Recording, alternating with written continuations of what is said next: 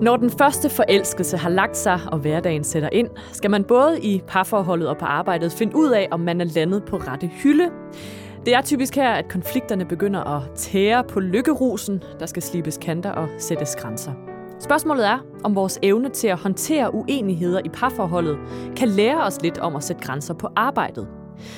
Mit navn er Christina Sander, og i det her afsnit får du eksperternes bud på, hvordan du takler både crushes og crashes på arbejdet, og skaber et arbejdsliv, du har lyst til at leve med.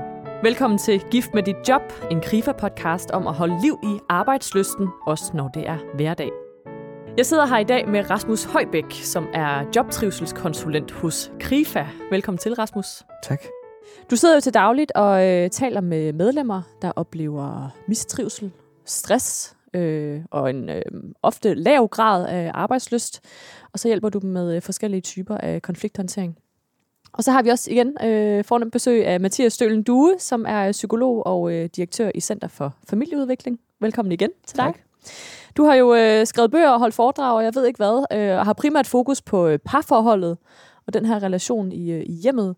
Men jeg ved også, at øh, du er også passioneret omkring den relationelle trivsel øh, på arbejdet, øh, og det er også derfor, vi har dig med her i dag. Men Rasmus, jeg kunne godt tænke mig at starte med dig, fordi vi skal tale om at sætte grænser, og hvor vigtigt det er på arbejdet. Øhm, hvis vi taler om at sætte grænser og sige fra i øh, relation til arbejdsløst, hvor vigtigt er det så at lære at kunne sætte grænser? Det er forholdsvis vigtigt. Jeg tænker, det er ret relevant at kunne sætte grænser i forhold til de værdier, man ønsker at leve efter på sit arbejdsplads. Øhm, det er vigtigt at kunne sige fra over for sin chef, hvis det for eksempel bliver ved med at komme opgaver på ens bord, og man ikke til sidst har balance i, i opgaver kontra tid, så er det vigtigt at kunne sige fra der. Og det er også vigtigt at få kunne sige fra over for sine kollegaer, hvis man føler, at der er nogen, der træder ind over tæerne, eller mobber, eller de steder er, er ubehagelige over for en. Så der kan faktisk ligge en, en høj grad af arbejdsløst i at, at lære det her, og måske blive bedre til det. Det kan i hvert fald være medvirkende til, at arbejdsløsten kan stige. Og lad os prøve at tale om nogle af de her konflikter. Jeg kan lige så godt starte med at bringe mig selv lidt i spil, fordi jeg er typen, som øh, i øh, mit øh, parforhold, der tager jeg alle kampene. Det kunne jeg måske også blive bedre til at lade være med, men, men sådan en type er jeg bare indtil videre. Ikke? Og så på arbejdet vil jeg næsten kalde mig selv konfliktsky. Altså der er jeg helt anderledes. Øh, men Mathias, hvis du skal prøve at se det lidt over, øh, op fra, hvordan håndterer folk så konflikter forskelligt, øh, når det er henholdsvis arbejdet og privatlivet, vi taler om? Jamen lidt apropos din egen fortælling, så er der en tendens til, at vi på arbejde i højere grad tager os sammen. Øhm, det vi skal også huske på, at vi er mere udvilet som regel, når vi er på arbejde. Vi har pænere tøj på, vi aftaler møder, vi ved, om vi har en time til rådighed, eller om vi har 10 minutter til rådighed. Øhm, og derhjemme, der er vi øh, presset af, at børnene skal til fritidsaktiviteter, og maden skal laves, og vi er udkørt efter en lang arbejdsdag. Der er en tendens til, at vi, øh, som du også er inde på, at vi derhjemme lader vores affekter øh, bryde ud i, i, i fuld, øh, fuld lue, hvorimod at vi på arbejde er mere civiliseret. Øhm, og på mange måder tænker jeg, at vi kan lære lidt øh, af arbejdslivet ind i, ind i familiesammenhæng. At vi i, i familiesammenhæng øh, lukrerer lidt på i højere grad i talsæt, om vi nu skal sætte os ned og, og snakke om ting. At vi holder et såkaldt møde, øhm, og at vi også beslutter os for at tale om svære ting, om sex og om børneopdragelse øh, på tidspunkter, hvor vi er nogen, nogenlunde veludvidet, i stedet for at diskutere sex kl. 23.37 efter et endnu et mislykket initiativ, eller børneopdragelse, mens vi har tre unger, der skal i flyverdragt. Kan man lære noget på arbejdet af, hvordan man håndterer konflikter derhjemme?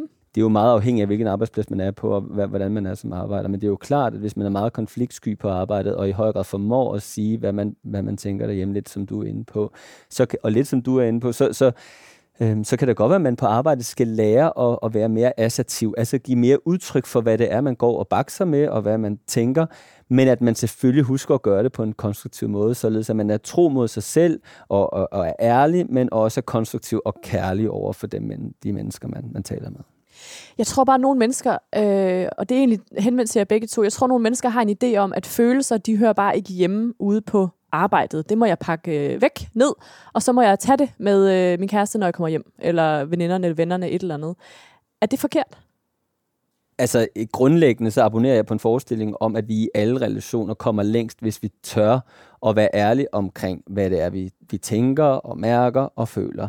Men det er klart, øh, mængden af, af information skal jo doseres afhængig af relation. Og derfor så kan det godt være, at vores inderste følelser kun skal deles med, med ægtefælden eller kæresten, og at vi der skal bruge længere tid på det. Men, men, men forebyggende er det jo altid godt at tage livtag med svære ting, hvis vi oplever på arbejdet, at noget er svært. Øh, fordi det er der, hvor vi tager hånd om det i fredstid, og endnu er, før problemstillingen er blevet alt for stor, at der er en mulighed for at, at få reduceret en, en eventuelt øh, langt større øh, udfordring. Jeg tænker også, at der er kortere vej til at lade sine følelser styre den konflikt, eller den, ja, den konflikt, man står i hjemme end på arbejdet. Det, der, der er hurtigere til, at man lader sine følelser komme til udtryk derhjemme, frem for at man måske holder lidt mere på sig selv, når man er på arbejde. Det kan godt være, at man kan give udtryk for, at man bliver ked af noget, men det er ikke den følelse, der kommer frem, når man så tager snakken. Hvorimod, når man er hjemme i parforholdet, så kan den kederlighed og vrede og frustration sagtens få, få fuld plads, mm.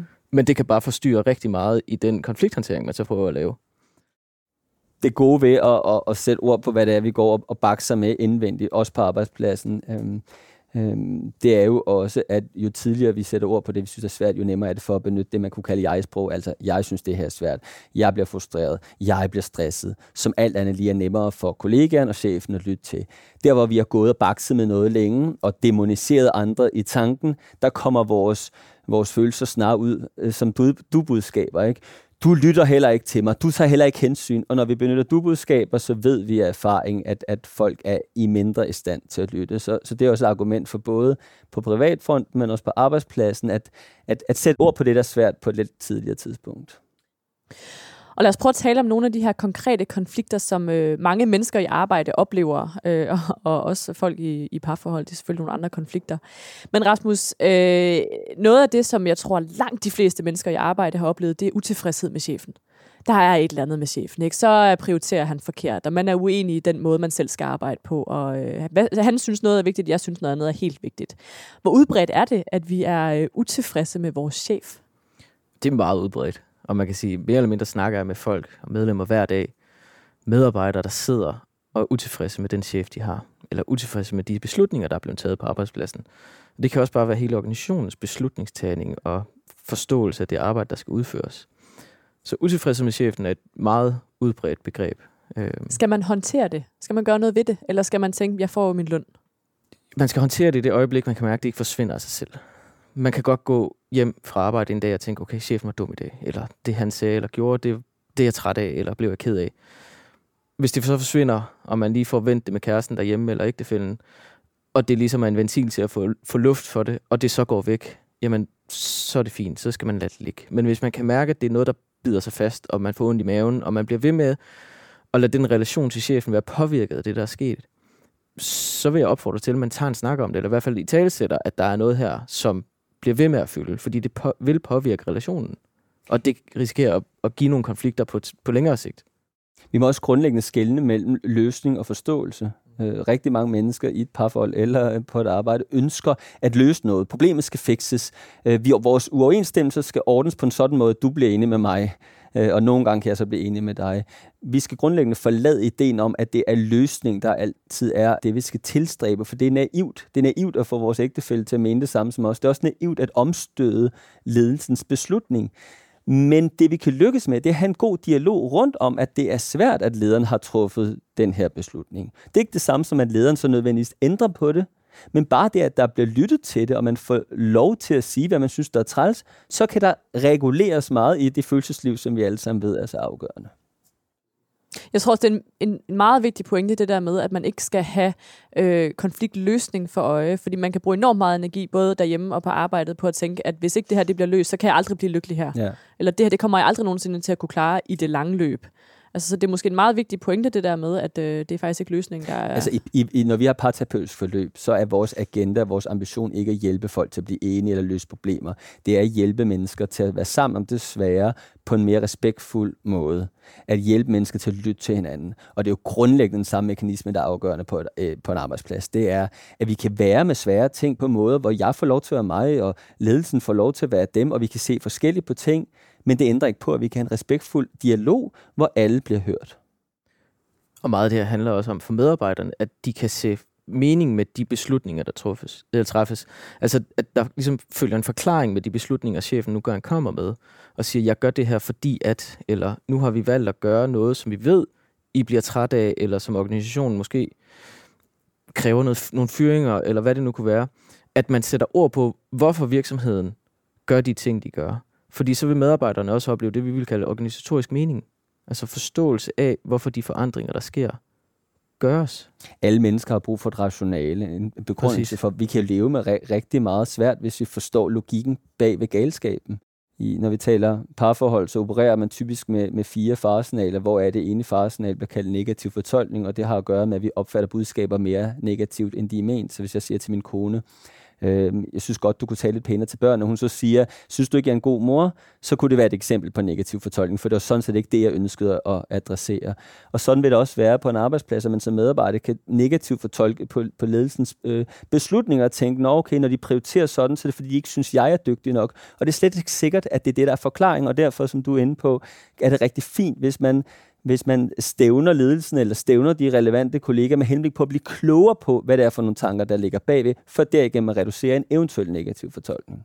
Ja, lad os prøve at holde os lidt til det der med kollegaerne, fordi det kan jo også være en kilde til konflikter. Det kan være, at de øh, tager for lange rygepauser, eller øh, de står også bare altid og sluder over ved kaffemaskinen, eller øh, hvorfor er det altid mig, der skal stå og samle op efter et møde, og alle de der forskellige ting, vi oplever i dagligdagen. Rasmus, når du sidder og taler med, med, med medlemmer, hvad er det så oftest, vi, vi er trætte af ved vores kollegaer? Ofte så er det, vi bliver trætte af, hvis vi føler os uretfærdigt behandlet.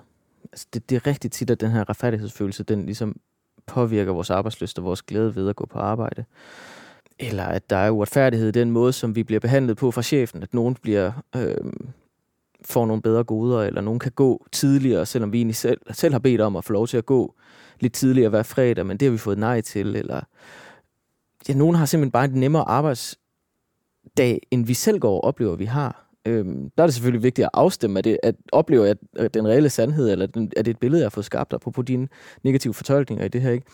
Og få afstemt, jamen, at den virkelighed, som jeg nu engang tolker min, min position ud fra, er det den samme, som min, min medarbejder eller mine kollegaer, de sidder fra og, og ser verden.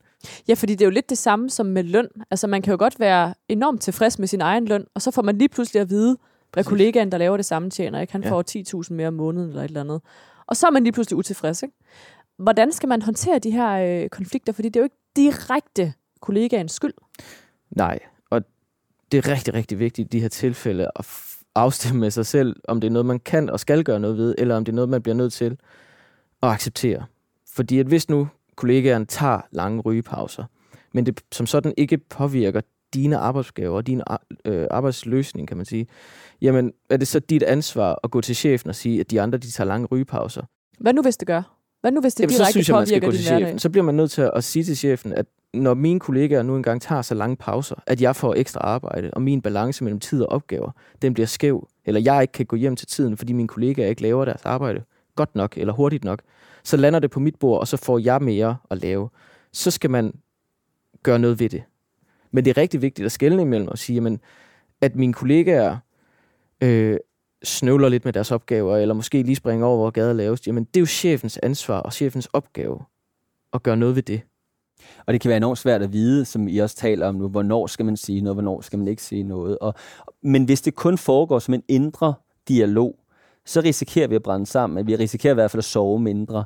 Og derfor, hvis man har det privilegie at have en kæreste eller en ægtefælle, eller en god ven, så vil det være, det være min opmuntring til, så vil det være en, min opmuntring til enhver tid, øh, at vi gør brug af, af denne person, til at ventilere nogle tanker, og til at få nogle input til det her, fordi som øh, den berømte øh, psykiater Daniel Siegel siger, you name it and you tame it, og han henviser til, til hjerneforskning, der jo viser, at der, hvor vi sætter ord på det, vi går og tænker, der, der sker der en reduktion i det dele af hjernen, som har både med, med, med, med stress og, og smerte at gøre. Så der er et eller andet magisk omkring, at vi, vi forventer nogle ting i en privat sfære, hvor der er større tryghed, for det igennem dels at opleve øh, os øh, mere rolige, men også for det igennem bedre at kunne træffe en beslutning om, omkring, vi skal konfrontere en, en kollega eller en chef. Men det synes jeg også lidt er en sandhed med modifikationer, fordi at øh, jeg tror også mange oplever en gang imellem, at det som du giver din, øh, din energi, det du bruger energi på, det får også lidt dit fokus.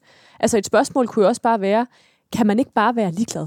Altså kan man ikke bare sige til folk, ved du hvad, det er ikke øh, din butik, eller det er ikke dit bord, men ryggen til, pas dit. Jamen, som du var lidt inde på, så er det jo et eller andet med, at hvis man, hvis man evner, hvis vi taler om mindre ting, og vi evner at slå det væk med henvisning til, at vi ikke skal, vi skal ikke fokusere på alting. Hvis man kan det, så er det jo glimrende. Men hvis man oplever, at man ikke kan det, fordi det er for stort, det er for gentagende, så vil jeg til enhver tid, og som den psykolog jeg er, opmuntret til, at man får snakket med nogle mennesker, som man holder af at snakke med, for derigennem at opleve en form for løsning og en kvalificering i forhold til, hvad man skal gøre med det. Ja, lige præcis, fordi man bliver nødt til, at hvis det bliver ved med at fylde, og hvis man ikke kan gøre brug af den her lidt forkvaklede pytknap, som der er blevet snakket om i nogle år, ikke? Altså, jamen, så bliver man nødt til at få, få afstemt, er det noget, jeg skal handle på? Altså, hvis jeg ikke bare kan lade det ligge, eller kan acceptere det, sådan tingene, de, de nu engang er, jamen, hvad skal jeg så gøre ved det? Skal jeg snakke med min chef? Skal jeg snakke med mine kollegaer om det? Måske bare i talesæt over for dem og sige, det fylder for ret, ret meget for mig, at jeres rygepauser tager så lang tid, når vi er enige om, at her på arbejdspladsen, der ryger vi, eller der holder vi pause i 10 minutter, og så er vi tilbage på arbejdspladsen. Det gør jeg, eller jeg oplever, måske skal man passe på med at, at bruge sig selv som det gode eksempel, men, men at man har bemærket, at de tager 20 minutters pause. Og det gør egentlig, at de opgaver, de så ikke når, de ender på mit bord. Men Christine, du henviser også til en idé om, at vi mentalt skal præstere noget. Ikke? Vi skal mentalt præstere, ja, som du siger, at se pyt eller give mindre e- fokus eller energi til det. Vi må også bare indse, at vi er realistiske væsener, som tager ting med os. Øh, og jeg får lyst til, nu har jeg tidligere henvist til, til filosofer og sociologer, jeg får lyst til at henvise til vores allesammens øh, fantastiske sangerinde Tina Dikov, som synger The fastest way to get there is to go slow. Og nogle gange er den hurtigste vej til, at noget ikke skal opleves som et problem, det er at tage lidt livtag med det, at få samtaler om det, for derigennem at opleve, at det forsvinder som et fikspunkt. Og noget andet, som vi også lige skal tale om, det kan måske kaldes en indre konflikt. Øh, vi skal tale om evnen til at sige fra og sige nej, når det gælder øh, opgaver, man får stillet. Igen, hvis jeg skal tale ud fra mit eget perspektiv, så har jeg meget svært ved en gang imellem at få sagt fra, selvom jeg egentlig godt ved, at jeg har et helt fyldt bord og en helt fyldt øh, tidsplan så kommer jeg alligevel til at sige ja til ting. Nogle gange er lyst, nogle gange lidt af sådan, de skal jo øh, kunne lide mig agtigt. Mathias, hvad, hvad er det for noget? Hvorfor kan man ikke sige fra? Det kan der være mange gode grunde til. Nu skal kan nok, nok også. Nu skal nok lade være med at putte dig i Jeg skal nok lade være med at putte dig i psykoanalyse eller på Brixen. Øhm, jamen, vi vil jo gerne leve op til andres forestillinger om os. Så hvis det er, at vi tror, at, at folk har en forestilling over os som, som fleksible, som ihærdige, som hårdt arbejdende, så kan vi være bekymrede for at sige nej, for så kan det jo være, at den her fantastiske fortælling, som de, vi har givet dem indtryk af, at den krakelerer. Det er i hvert fald det, vi er bange for.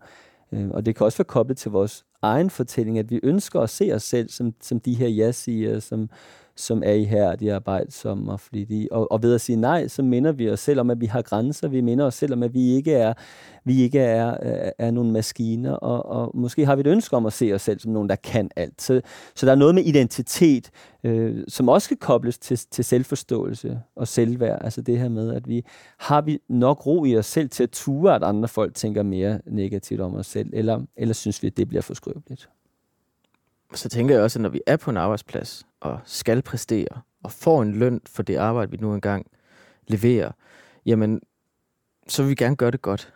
Og der kan være forskel på, om det er kollegaer, der kommer med opgaver, eller om det er lederen, der kommer med opgaver.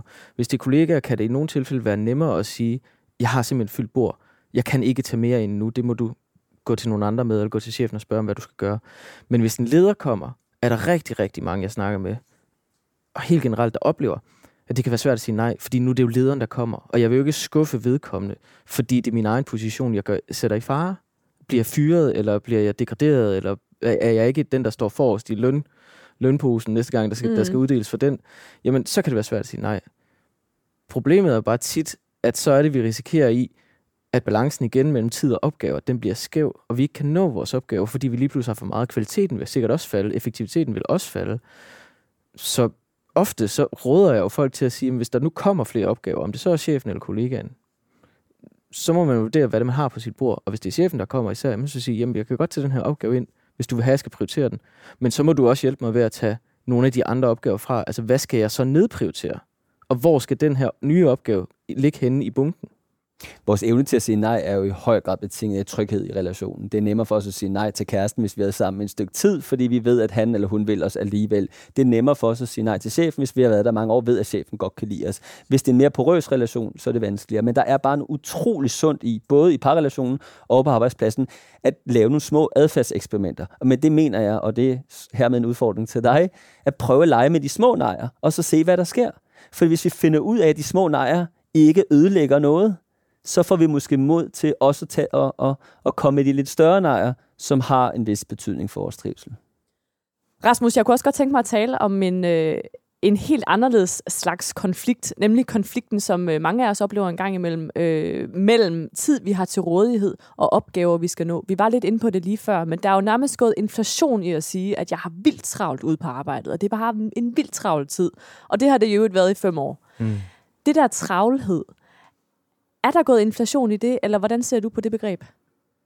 Øh, altså, det er jo svært at vide, og det, det er meget for, forskelligt fra arbejdsplads til arbejdsplads, men, men det her, vi snakker om tidligere med at passe ind og, og deltage i fællesskabet, og ligesom føle, at man bidrager og løfter i flok, jamen hvis alle andre virker til at have travlt, og hvis alle andre virker til at, have, at fortælle, at de har rigtig travlt, jamen så vil du gerne passe ind i den kultur, du vil gerne passe ind i det fællesskab om, at her har vi travlt. Så selvfølgelig har jeg også selv travlt. Så hvis de andre ser for travle ud, så skal jeg ikke være ham, der snøvler afsted til mødet, eller ham, der tager de lange pauser, eller ham, der ikke rigtig får præsteret. Og det kan godt være, at det er bare en fortælling om, at vi har travlt. Og nogle gange kan man se det på folk, der går rundt med en computer under armen og pisker rundt i, i bygningen, uden der er rigtig nogen, der ved, hvad der foregår. Men tempoet er bare skruet op. Og den fortælling tager vi så også med, når vi spørger hinanden, hvordan går det? Ej, vi har travlt på arbejde.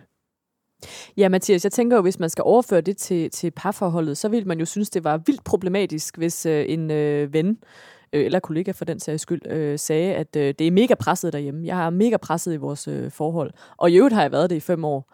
Altså, hvorfor ser vi så forskelligt på, på det her øh, negative begreb, øh, travlhed på arbejdet? Det er som om, det er bare blevet en, en, en, en ting, vi skal leve med. Jeg tænker jo, at, at travlhed både gør sig gældende på arbejdet og derhjemme og i vores samfund i det hele taget. Øh, for nogle år siden så lavede vi øh, på Center for Familieudvikling i samarbejde med Aarhus Universitet et forskningsprojekt, der hedder Parcheck, øh, som var meget inspireret af at gå til tandlægen. Altså, hvordan kan vi hjælpe mennesker til i tide at komme ind og snakke lidt om deres relation, både om hvad der går godt, og hvad der går mindre godt, for, for derigennem at forebygge, at man får huller, ikke bare i tænderne, men også i ens relation. Og der spurgte vi danskerne, hvad er, det for, hvad er den e, sådan enkeltstående bekymring, som gør sig gældende i allerhøjst grad? Og det hyppigste svar var manglende kvalitetstid. Så det her med ikke at opleve at have tid, er altså noget, der gør sig gældende på arbejdet, men det er også noget, der gør sig gældende på hjemmefronten. Og hvor al den tid, den forsvinder hen, det kan vi jo så øh, diskutere en anden god gang, men der er altså noget omkring, at vi lever i en tid, hvor vi ikke har tid til hinanden, og det er alvorligt, hvad arbejdsløst angår, og det er i høj grad også alvorligt, øh, hvad angår trivsel derhjemme. For der, hvor vi ikke har tid til at regulere vores eget nervesystem, tid til det nærmeste, tid til arbejdet, jamen der, der ender vi med at, at brænde sammen og være nogle dårlige udgaver af os selv, hvilket både går ud over vores arbejde og vores familie. Men der er jo også en grad af forskellighed i de to scenarier, fordi i parforholdet, der kan jeg godt forstå, hvorfor tid er et øh, vigtigt øh, element. Du skal have tid til at sidde og fordybe dig i din øh, partner, og det her er lige reconnecter og finder hinanden igen, måske efter en lang dag, eller en lang uge, eller et langt år. Men hvorfor er det så vigtigt på arbejdet? Der skal du bare løse de her opgaver, som er der. Fordi der, hvor tiden ikke er til rådighed, hvor tiden ikke er til, at, som jeg siger, at regulere nervesystemet, der har du ikke tiden til at tænke øh, kreativt og konstruktivt og kærligt. Og hvis man skal være en dygtig kollega, og i øvrigt også trives, så skal du kunne tænke kreativt, konstruktivt og kærligt. Ellers så risikerer du ikke selv at opleve stor arbejdsløst, og du, eller du risikerer at smitte andre med noget, som, som bidrager negativt til, til deres dagligdag. Problemet er, at vi har ingen pauser, for når vi endelig har en såkaldt pause, så tager vi vores telefon frem og er på Instagram eller Facebook bare i privatsfæren. Vi har aldrig den pause, hvor vi kigger ud af vinduet og kigger på fugle, eller, eller kigger på havet, og lader vores, øh, vores øh, lader hvilen komme til os, og mennesket har grundlæggende brug for at hvile sig, hvis vi skal tanke op til nye tanker, idéer, og i øvrigt til at opføre os nogenlunde ordentligt. Rasmus, her til sidst. Øh, du sidder jo og rådgiver folk øh, på daglig basis øh, omkring alle de her forskellige typer af konflikter, mistrivsel, stress, travlhed. Hvis du skal give et, øh, et godt all-round råd, øh, dine oplevelser, hvad, hvad kan du opsummere? Hvad er det egentlig, vi burde blive bedre til? Nu har vi snakket meget om at sige fra, og vi snakker om at talsætte tingene, og ligesom mærke efter, om det er noget, man har brug for at sige højt. Og det, det tror jeg, vi skal blive bedre til. Jeg tror, vi skal blive bedre til at tale om tingene, og sige, hvad det er, vi egentlig går og tænker og føler. Fordi hvis vi, hvis vi pakker det væk, og det så ikke forsvinder af sig selv, jamen så er der ikke nogen mulighed for, at det forsvinder over tid. Altså så vil det bare udvikle sig til noget andet. Om det så er en dårlig relation til chefen, eller om det er en konfliktfyldt relation til kollegaen, så bliver vi nødt til at tage det up front. Vi bliver nødt til at tage det, når det opstår. Hvis ikke det forsvinder af sig selv, når vi går hjem og taler med ægtefælden om det. Og hvis vi kan mærke det dagen efter og ugen ud, jamen, så tag det op. Sig fra, eller sig det højt. Og vi skal måske også blive bedre til at modtage det, eller hvad? Hvis vi er kilden til nogen andres. Ja, det er jo så den næste skridt i det, ikke? At vi skal blive bedre til at forstå, øh, høre efter, hvad der, er, hvad der bliver sagt. Og da du var inde på før at snakke om aktiv lytning. Altså, og hvad er det egentlig, den intention, som den, jeg står overfor, har med det, han eller hun siger til mig? Hvad er det, hun gerne vil sige, når hun nu engang sætter ord på det her? Altså, hvad enten man er chef, kollega eller kæreste, så gør vi alle sammen klogt i at træne den, den evne, altså den aktivt lyttende evne, at vi, før vi reagerer hurtigt på, hvad der bliver sagt, vi standser op og siger, så det, jeg hørte dig sige, det er, altså, du synes, det her er frustrerende, er det rigtigt forstået? Vi kan afmontere så mange potentielle konflikter, hvis vi træner lidt i den kompetence. Gift med dit job er en KRIFA-podcast om arbejdsløst, produceret af Bauer Media. Jeg hedder Christina Sander, og i det her afsnit har jeg haft besøg af Rasmus Højbæk, der er jobtrivselskonsulent hos KRIFA, og af Mathias Stølen Due, der er psykolog og direktør i Center for Familieudvikling. Klip Rasmus Svinger, projektleder Camilla Christoffersen, redaktør Rune Born Svarts. Hvis du synes, du kunne bruge det, du hørte til noget, så kan du hjælpe andre med at finde den ved at give en anmeldelse eller en stribe stjerner i din podcast-app. Næste afsnit handler om, hvornår man bør overveje at skifte job. For er græsset virkelig grønnere på den anden side, eller er der veje til at genskabe arbejdsløsten i dit nuværende arbejde? Det taler vi om i afsnit 3 af Gift med dit job. Tak fordi du lyttede med.